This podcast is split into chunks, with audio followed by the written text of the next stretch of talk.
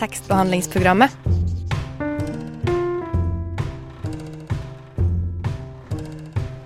Tekstbehandling på radio.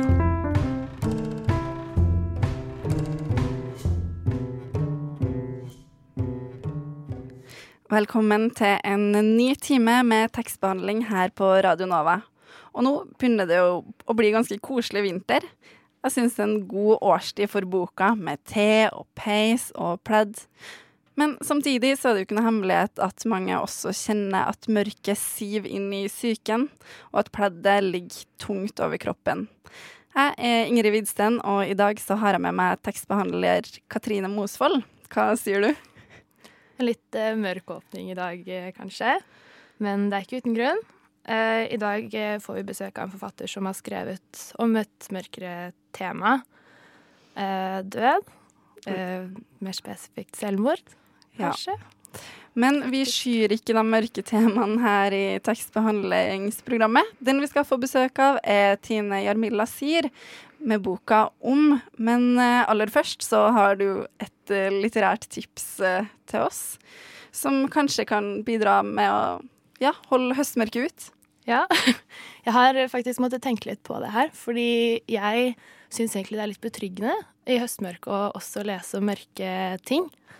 Men jeg har kommet fram til at eh, um, Ja, gå tilbake til barndommen. Lese ting man kanskje syns var hyggelig som barn. Så jeg vil anbefale folk å titte litt på det. Jeg har i hvert fall lyst til å lese eh, noe av det tidligere Tove Jansson skrev.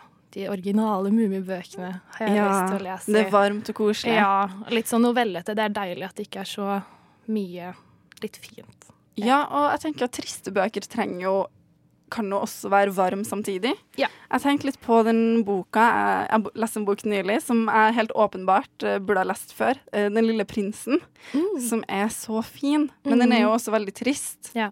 Men jeg tenker at den også varmer i høstmørket. Enig.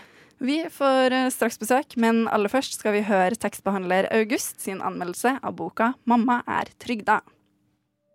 I Norge snakker vi om de trygda hele tiden. Til og med hver uke på Statskanalen sitter et begeistret publikum og roper i kor. De har til og med fått sitt eget verb.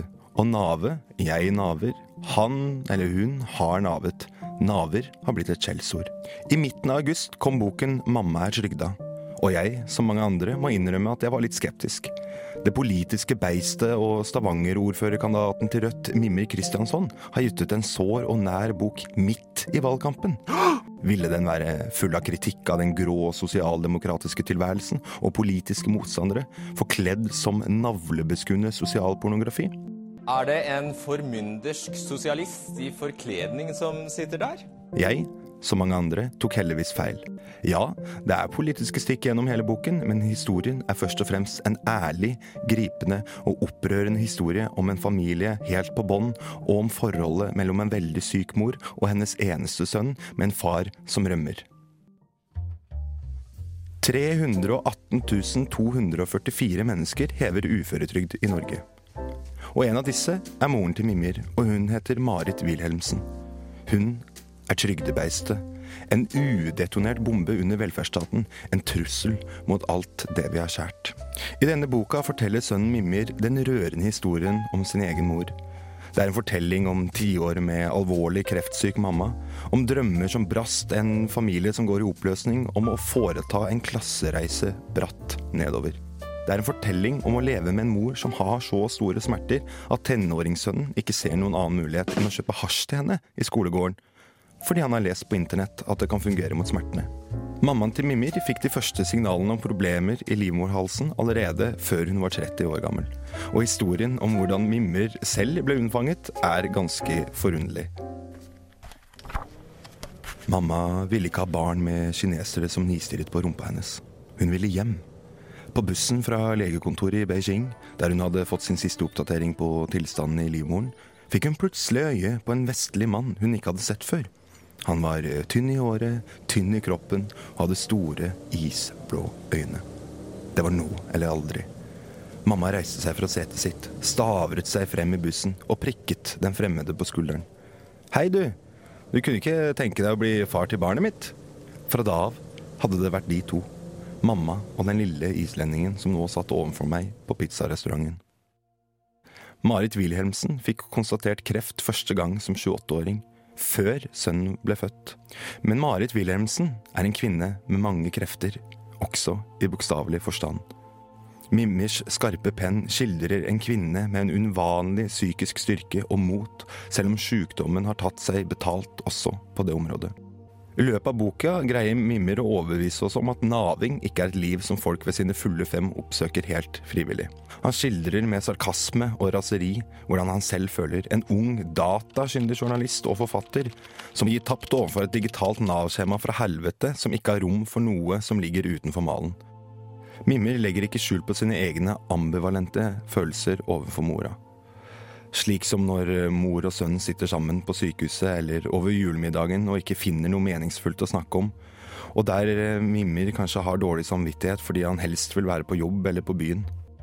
Mamma er trygda er ikke en bok om en totalt selvoppfordrende sønn, men om en sønn som heller vil komme to timer for tidlig på flyplassen enn å sitte ved sykehussengen. Boka er en dyp og innsiktsfull historie, og kanskje høstens viktigste selvbiografiske roman. Og Kristiansson minner oss på at det absolutt ikke er noen solskinnshistorie når klassereisen brått går nedover.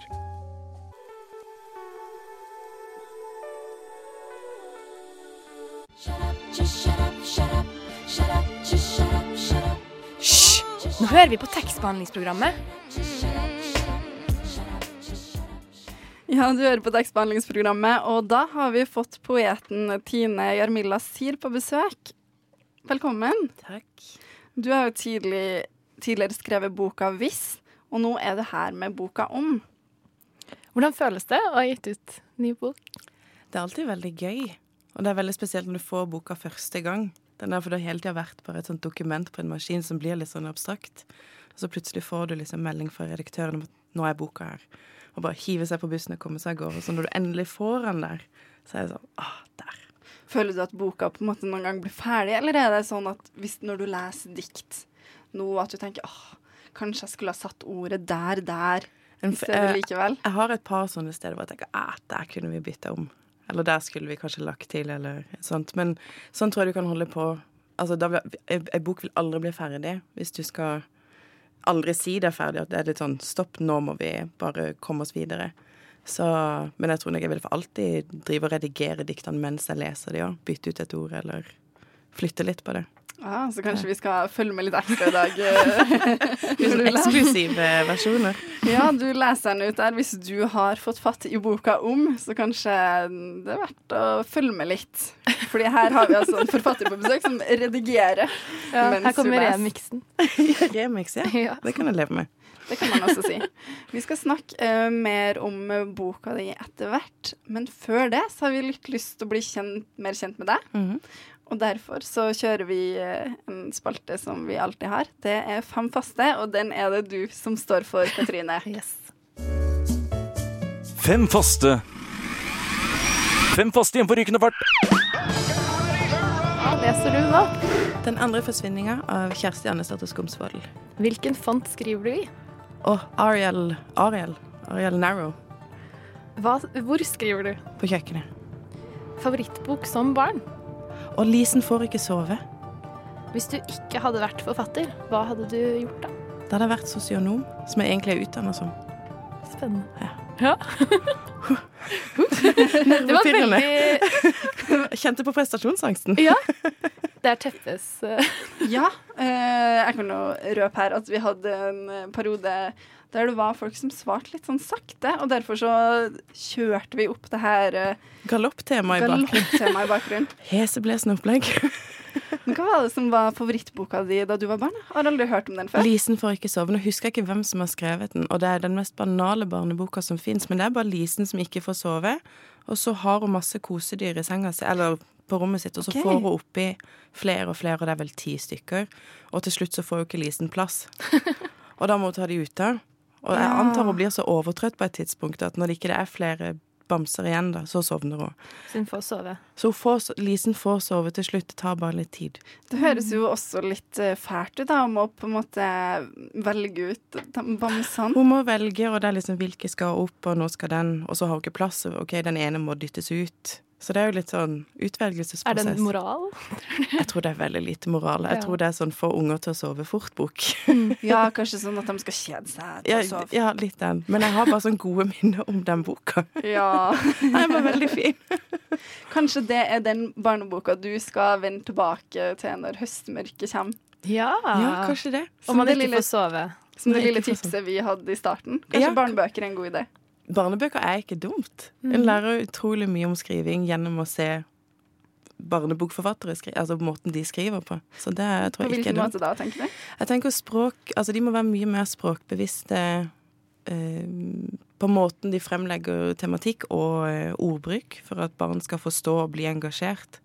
Mens for voksne så kan du liksom greie ut og holde på ganske lenge før vi voksne mister interessen. Men for barn er det mye mer konkret. Mm. Og at det tror jeg man kan lære seg å ikke overfortelle og klare seg med litt knappe, knappe ord. Ja, og det kan jo skje litt i boka di også, at det av og til at det egentlig er veldig sånn konkret språk, kanskje ofte. Og boka di om, den skal vi snakke mer om. Men aller først så skal vi høre Deyo med 'Overgrown'.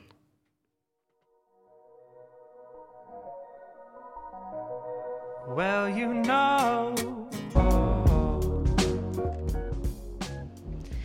Det var Deyo med 'Overgrown' i tekstbehandlingsprogrammet på Radio Nova.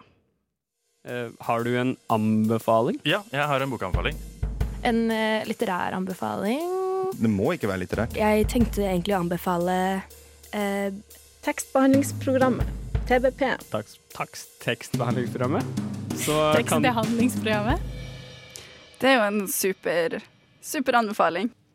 Og hvis du trenger enda en super anbefaling, så kanskje det kan være å lese boka om av Tine Jarmilla Sier, som vi fremdeles har på besøk her i tekstbehandlingsprogrammet. Og vi nevnte jo helt på slutten så vidt om boka di i stad. Eh, kan du fortelle litt til lytterne ut her hva slags bok det her er? Mm. Det er jo en bok som handler om denne jeg-personen da, som mister eh, samboeren sin til selvmord. Han tar livet av seg. Han skyter seg i leiligheten deres. Um, og den handler jo om både tida før og tida etterpå. Uh, så det er ikke en kronologisk bok i den forstand, eller diktsamling i den forstand. Men uh, en hopper litt frem og tilbake i tid og tar for seg hvordan, hvordan komme seg videre, og hvordan håndtere et sånt et dødsfall, da. Mm. Eh, så denne boka handler jo da om selvmord. Mm. Og den forrige boka di, den uh, Viss, handla om overgrep. Mm. Og det her er jo veldig store tema. Hvordan syns du det er å behandle så store og såre tema? Jeg syns på en måte nesten det er enklere å ta for seg store temaer, fordi at de er, de er så uhåndterbare i sin håndterbarhet. Altså det er mer det at du kan gripe fatt i nesten hva, hvilke som helst situasjoner, da, så kan du få et dikt ut av det. Altså et selvmord, det er så mange Det får så mange følger, da. Eh, og da kan du skrive det ut nesten i det uendelige, tror jeg. Og jeg tror det er viktig å ta fatt i, i temaer som eh, ikke nødvendigvis tilhører diktsamlinger så veldig mye. Selvmord har jo fått litt, grann, men eh, overgrep tror jeg ikke har hatt så mye dikt skrevet om seg. Mm. Og det syns jeg, det jeg synes jeg er spennende å utforske om det går an. Ja, i, I diktene dine så refererer du jo til Prost, og om at når sorgen gjøres om til en idé, så mister, så mister den av evnen til å ramme hjertet, Mm. skriver du. Er skriving terapeutisk? Jeg vil jo si det. Altså, vi har vel alle skrevet dagbok på et eller annet tidspunkt, om vi var ti år, eller om vi er 25 eller 32. Eh, og jeg tror skriving, det gjør på en måte Altså, ting du holder inni deg, det får en tendens til å bare spinne fritt, men med en gang du får det ned på papir, så blir det mer konkret, og det blir mer håndterbart. Så jeg tror absolutt det er noe terapeutisk ved det, uten at det trenger å være en metode i den forstand. Men at det kan hjelpe å slenge ting ned på et papir, det tror jeg. Mm. Mm. Da har jeg veldig lyst til at du skal lese det diktet. Ja. Om sorg skriver Marcel Proust at i det øyeblikket sorgen gjøres Unnskyld. Om sorg skriver Marcel Proust at i det øyeblikket sorgen gjøres om til en idé, mister den noe av evnen til å ramme hjertet. Sånn kom alt dette til. At jeg skulle skrive boka om livet du ikke ville mer, hva du etterlot deg, og hva du tok. Gi den til de som ammer et barn i en begravelse, og de som sitter på fremste rad og ikke får blikkontakt med andre enn presten. Jeg skal snart slutte å omtale deg i presens. De fleste, eller mange, av diktene dine starter jo med eksempel om Mm. sorg, om vennskap, om trygghet Mm. osv. Eh, føler du at eh, disse temaene representerer eh, Altså det er tema man oppsøker etter man har vært ja, blir utsatt for noe sånt? Da ender opp Ja, jeg tror, altså, jeg tror det blir en Det blir på en måte en Du må finne en ny måte å være i verden på. Og da må du nesten ty til OK, hva har jeg igjen rundt meg nå? Det er vennskap. Hvor er tryggheten? Hvor er venner? Hvor er familie? Hvor er trøst? Og hvor kan du finne støtte? Um, og jeg tror at når du mister noe så fundamentalt i livet ditt, så blir det Enten så isolerer man seg fullstendig og går helt inn i seg selv, eller så blir man å søke ut og prøve å ja, finne en ny måte å klare seg på, da. Mm. Mm. Og du har jo veldig mange referanser i Mm. diktene dine. Eller hele diktsamlinga er jo på en måte stappa full av referanser, der det virker som jeg på en måte søker de her forskjellige eh, de, om, om de forskjellige tingene. Prøve Mm. å finne seg sjøl på nytt, kanskje gjennom musikk, gjennom litteratur Mm. og kunstnere. Og du har jo også fått valgt noe musikk for oss i dag. Ja. Og eh, derfor så tenker vi at det kan være fint at du kanskje kan lese, lese diktet som passer til de forskjellige låtene Mm. her i dag. Og den første sangen vi skal høre, er Bju... Hvordan uttaler jeg det? Buicken. Buicken. Tusen takk. Med 'Nedenom og hjem'. Om hjemveien sier Lars Saabye Christensen med Amund Mårud på gitar at det handler om å utsette den. Be om en øl og en real klem. Før det begynner å gå nedenom og hjem. Opplangs eller nedlangs. Alt ettersom som hvor vi kom fra småløp vi. De siste meterne til døra, eller doen, og latteren til den som rakk å låse døra og åpne dolokket først. Den dagen et lite kappløp med meg selv og tunge poser gnagende inn i hendene. Hilse på en nabo på vei til barnehagen med hele fremtida i ei vogn. Vike under veiarbeidet ved Oksen, 20-bussen durende forbi. De siste hundre, hjørnet av melkekartongen gnager mot kneet.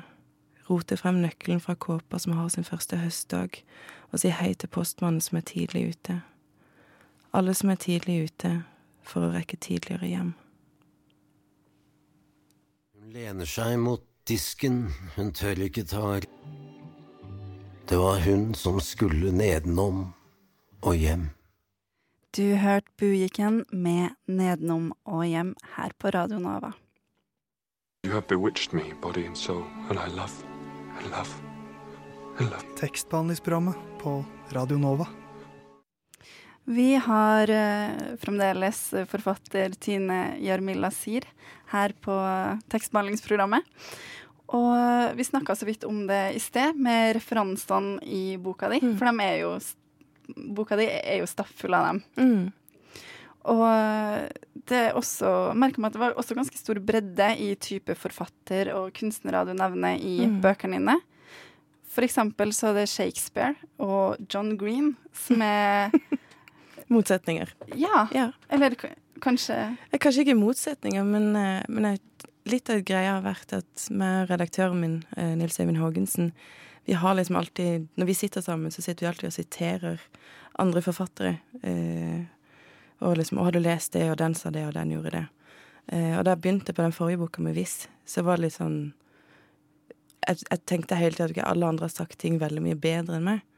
Og istedenfor å sette ting i et sitattegn og måtte betale rettigheter ut av vinduet, så tenkte jeg kan jeg kanskje bruke dette på en måte, og også kunne låne og få liksom få løfta frem andre forfattere òg. Eller løfta frem, de er større enn meg. Men, eh, Og da var det litt den tanken at OK, her kan jeg låne fra min egen bokhylle, min egen vennegjeng, eh, og, eh, og skrive ut fra det.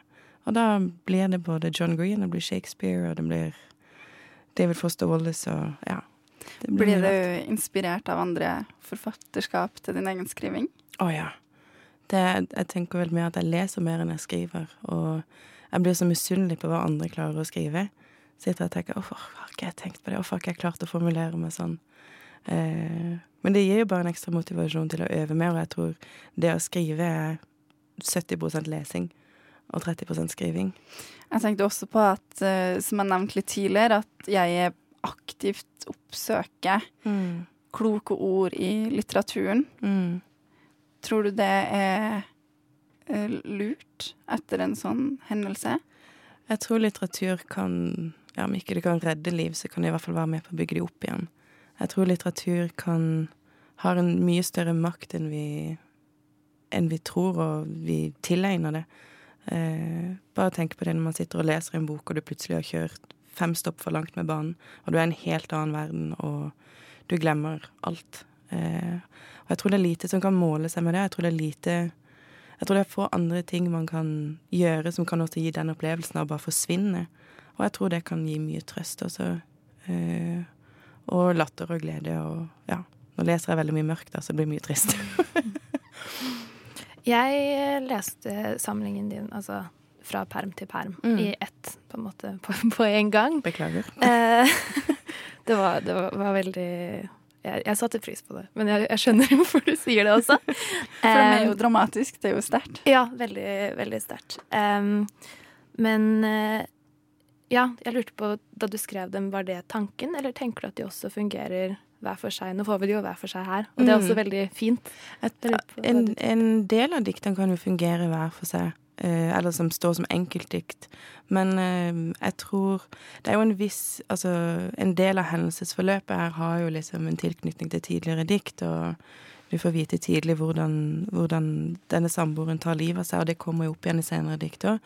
Men, eh, men at du kan bla opp på ei side og lese et dikt, det tror jeg går an. Men jeg vil dessverre anbefale å lese den i ett strekk. Men, eh, Ja. men uten, uten tvang. Så lurer jeg på, skrev du det Altså ble det til litt, litt sånn også, eller? Nei, jeg begynte Jeg husker ikke hvilket dikt jeg begynte med, men, eh, men, eh, men det ble veldig at etter hvert så at oi, her kan jeg fylle ut litt, og her kan vi legge til litt. For tanken var å ha en litt sånn kronologisk fortelling. Eh, og da etter hvert så de første diktene hvor man liksom graver frem selve hendelsesforløpet og dette 'jeg finner eh, samboeren sin død, det var dikt som kom ganske seint i prosessen. For her tenkte vi her må vi åpne opp mer. For fremdeles var det ganske lukka hva som egentlig hadde skjedd. Så, så boka er skrevet veldig hulter til bulter. Det er. Mm. For uh, handlinga er jo ganske dramatisk. Mm. For eksempel den, det diktet du fortalte om der, med da hun faktisk eh, finner samboeren Mm. sin. Men samtidig så opplever jeg at eh, språket er jo ganske nedpå, på en måte. Det er litt sånn der Hverdagen har også stor plass Mm. i diktene. Er Mm. det her en bevisst kontrast? Altså, det er jo flest hverdager, eh, og jeg tror at altså, selvmord det er noe som skjer midt i en hverdag. Det er noe som skjer på en tirsdag og en onsdag. Eh, og jeg tror at hverdagen er det som blir prega mest, og da tror jeg det er viktig å sette ord på de bitte små tingene, og også de store, selvfølgelig, men de små tingene som plutselig blir sånn Ja, men nå er alt annerledes, åssen skal jeg gjøre denne enkle tingen? Mm. Eh, og da tror jeg på at det å bruke ja, de små hverdagslige hendelsene Plutselig så står du der og aner åssen du skal skifte lyspære, for det var det alltid han som gjorde. Ja. Det, ja. Og du har jo valgt flere, mer musikk for oss. Mhm. Så da tenkte jeg at du kunne lese diktet som da refererer til 'Selfish Art' av Noah Gundersen som en intro. Om å finne den rette, skriver Deborah Levy, at hun velger seg de litt nervøse, hvis hender kanskje skjelver. Og jeg husker den kalde kvelden i mars, da Noah Gunderson spilte ned i veien. En konsert jeg hadde sett frem til hele året. Billetten på kjøleskapet, svart ring i kalenderen. Og så, Da vi satt i Stockholm litt over ett år senere, og jeg sa at jeg elsker deg, nesten uten skyldfølelse. Det ble den beste konserten jeg aldri gikk på. Making songs for a living.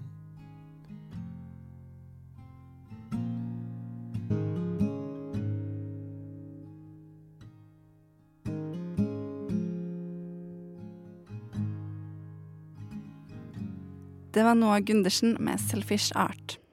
Du lytter til Radio Nova. Du hører fremdeles på Radio Nova, og vi har, vi har fremdeles besøk. Og den boka di, den eh, handler jo om selvmord. Mm. Som da Vi har snakka om at det er et mørkt tema, men det føles jo også Det er vondt å si det. Litt sånn eh, Jeg tenker på den dokumentaren på NRK innafor jeg lagde om selvmord og Instagram sin mørke side. Mm. Jeg vet ikke om du har sett den? Nei, jeg har ikke sett den, men jeg har lest mye om det. Ja, fordi Mm. da er det på en måte blitt uh, litt mer tatt opp i media, da. Litt mer aktuelt, hvis man kan bruke det ordet. Um, tror du at vi er mindre redd for å snakke om sånne tema nå enn før? Jeg tror media er mindre redd for å snakke om det. Det blir tatt mer opp ja, ja, gjennom dokumentarer og radioprogrammer. Og Else Kåss Furuseth har jo vært fabelaktig i eksponering av dette her. Men jeg tror fremdeles at på et på å si mer intimt nivå, med, med, altså mellommenneskelige relasjoner, der tror jeg fremdeles er fryktelig vanskelig. Det å spørre noen har du tenkt å ta livet av deg, den terskelen der er sinnssykt høy. Altfor høy, dessverre. Mm. Hvordan føler du altså, rundt ved å spørre folk og, og, og snakke om og Ja, med hvordan forholder man seg til folk som opplever sånt? Finnes det en riktig feil måte å gjøre det på? Er det, er det noen fasit? Jeg tror ikke det er noen fasit. Jeg tror ikke man skal være redd for å spørre. Altså Stiller du spørsmål til noen, så er det ikke det som kommer til å få dem til å ta livet av seg, eventuelt. Um, og jeg tror Jeg tror man er så redd for å Kanskje det er den norske greia at man skal liksom ikke Man skal passe sine egne saker. Men, eh, men jeg tror heller tørre å bare hoppe i det og si 'Har du tenkt å ta livet av deg? Kan jeg gjøre noe for det? Det er heller å spørre. Men eh, hvordan er det man skal, bør forholde seg til folk som har, er pårørende av selvmord? Er det noe Jeg tror det er å godta at Som vi snakka om i stad, liksom hverdagen og sånne ting. At det er det helt elementære ting som plutselig kan sette et menneske ut av spill. Mm. Det kan være lukten av et eller annet. Det kan være å skulle gjøre et eller annet, eller en låt som kan bare sette, sette hele mennesket ut av spill. Og jeg tror at det er viktig å være bevisst. At man skal ikke gå på, gå på tå rundt dem, men jeg tror det er viktig å forstå at det er traumatiserte mennesker som heller aldri vil nødvendigvis forklare svar på hvorfor det mennesket tok det valget. Mm. Eh, og at det vil være en evigvarende ting som, som nok vil prege dem på et eller annet vis. Så bare være litt bevisst. Være litt bevisst? Ja, Ja. rett og slett. Fordi det kan jo kanskje være litt uh, skummelt for folk rundt også. Kanskje ekstra redd for å si noe feil. Jeg tror, jeg, jeg tror det er en greie at de rundt er mer redd Altså, de er redde for å spørre enn det personen som sitter igjen, er redd for å fortelle. Mm. Den, den personen som sitter igjen, kan kanskje ha lyst til å bare fortelle. Ja, men hør på meg, jeg vil fortelle åssen det skjedde. Jeg vil fortelle hvordan det så ut. Jeg vil fortelle åssen jeg føler meg. Men man er så redd for å trå over en grense ved å stille spørsmålet. Mm. Eh, fordi man er redd for å sette i gang et eller annet. Så Har du noe råd til dem som er redd for det? for å stille feil spørsmål Ja. Still spørsmålet. Ja. Det er ikke farlig.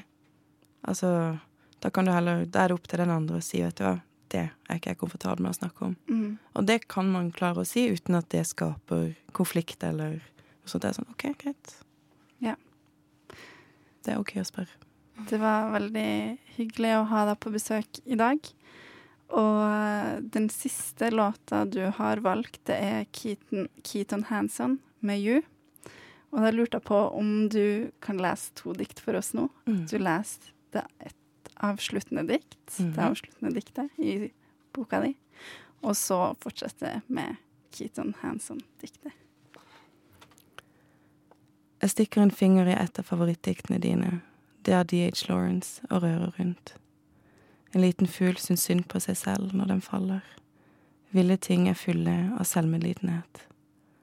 Og så stikker jeg en finger i verden og rører. Sola, månen og årstider. La dem gå sin gang. Høst og vår er best. Bleieskift og skolestart. Fra hodefotinger til sekser i kunst og håndverk. Hun og jeg overalt. Leiende i dagene. Du og barnet vårt også der. Når vi ser noen som kanskje ligner litt. Og hun klemmer hånden min litt ekstra hardt. Om også du må dø fra meg, husk Keaton Hensen i den låta, med bare deg i tittelen. Når kroppen din blir til bare et skall, vit at livet ditt var den beste tida i livet mitt. Tusen takk for at du kom i dag. Takk.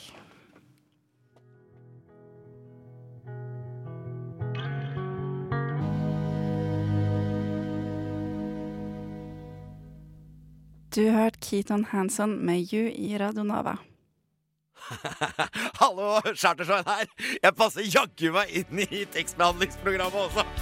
Jeg syns at døra bør stå på gløtt. Tekstbehandlingsprogrammet holder døra oppe for alle. Lar du døra di være litt åpen Nå har vi jo vært inne i ganske mange mørke, dype, men også viktige og viktig alvorlige tema. Det har også vært veldig fint. Men for å lette bitte litt på stemninga nå mot slutten, så serverer vi et gjenhør med tekstbehandler Brage sin anmeldelse av Freakonomics. Og det skal du få høre akkurat nå. Jeg har nylig lest en bok jeg har klart å legge fra meg etter hvert kapittel, slik at jeg kan spare den lengst mulig. Fullstendig ulikt meg og nærmest uhørt før denne boka fant sin vei inn i mine hender. Men Freakonomics, som er skrevet av Stephen J. Dubner og Stephen D. Levitt, som sammen utgjør den perfekte forfatterduo. Stephen Levitt er en professor i økonomi ved Universitetet i Chicago, og i utgangspunktet totalt uinteressert i å skrive en bok midt oppi alle økonomiske forunderligheter. Stephen Dubner, prisvinnende forfatter, journalist og mediepersonlighet, kunne definitivt skrive bøker, men han kunne lite om økonomi. Skjønner du hva jeg vil hen? Deres samarbeid er det som har skapt Freakonomics, og oppfølgeren Super Freakonomics, som ligger hjemme på nattbordet mitt akkurat nå. Aller først så tenkte jeg å dømme boka etter omslaget. Jeg vet man egentlig ikke skal gjøre det når det kommer til bøker, men hvorfor ikke? Omslaget til Freakonomics har, i Penguin-utgaven som jeg er, en overvekt av oransje. Med det som ser ut som rappere og damer i røde kjoler på forsiden. Og som en fan av Matrix holdt det for at jeg valgte ut denne boka. Det er også verdt å påpeke at boka i andre utgivelser har et eple som egentlig er en appelsin på forsiden, og er langt grellere enn Penguin-utgaven. Og så er vaskeseddelen kort og godt setningen 'anta ingenting', sett spørsmålstegn ved alt. Etterfulgt av de beste anmeldelsene jeg noensinne har sett et forlag velge ut for en bok. Boken er skrevet i 2005, og jeg har selv lest den på engelsk, men etter å ha forhørt meg kun ett sted, nemlig Google, har jeg funnet ut at boka også finnes på norsk. Først og fremst må det bare presiseres at denne boka passer perfekt for folk som studerer, har studert eller vil studere samfunnsøkonomi. Og for alle andre som ikke studerer, har studert eller vil studere samfunnsøkonomi. Freakonomics forklarer på en briljant måte hvordan økonomiske teorier kan forklare spørsmål man stiller når man tar kjempelange dusjer. Som typisk hvorfor alle doplangere bor hjemme hos sin mor, hva som er likheten mellom sumobrytere og lærere i Chicago, og hvordan Klu Klux Klan er prikk lik en gruppe med eiendomsmeglere. Alt dette, og faktisk mer, blir besvart i boka. Og til alle dere samfunnsøkonomer der ute som savner litt heksjerolin og snakk om land som produserer tøy eller teknologi, så inneholder boken flotte tabeller som illustrerer og støtter forklaringene de kommer med. Hvem skulle ha trodd at man som doplanger i Chicago har en 25% sannsynlighet for å bli drept, mens man som dødsdømt fange i Texas, som drepte flest fanger i USA, kun hadde en 4,8% sannsynlighet for å bli drept? Bare for å trekke frem ett av mange eksempler. Det er tydelig at forfatterne er eksperter på hvert sitt fagfelt. Den ene i økonomi, og den andre i forfatterskap. Boka er en fryd å lese, og det er intet å utsette på språket. Freakonomics anbefales på det sterkeste. På tide å skru på tekstbehandlingsprogrammet. Yndlingssykkelen de siste seks-sju månedene er en enhjulssykkel. Vi har Marie Eibert på besøk. Jeg og Eline. Marie og Bær. Marie og Bær. Jeg tenker alltid at en T slutter med ø, h, h, h, h, utropstegn, utropstegn. Det er bare tekstbehandlingsprogrammet. Nei, det var ikke så mye å si. Nei, det er ikke så mye å skje, fordi dagens tekstbehandlingsprogram det går mot slutten. Men skru på radioen og hør oss neste onsdag til samme tid. Eller så kan du få gjenhør med de programmene du har lyst til å høre på nytt, på der du hører podkaster, egentlig. Hvor som helst. I studio i dag så var meg, eh, Ingrid, eh, tekstbehandler Katrine, og tekniker var Anniken. Og i dag så har vi jo snakka om en del tunge tema. Og om du trenger noen å snakke med, så kan du ringe Mental Helse på 116 123 eller Røde Kors på 833 321. Tekstbehandlingsprogrammet.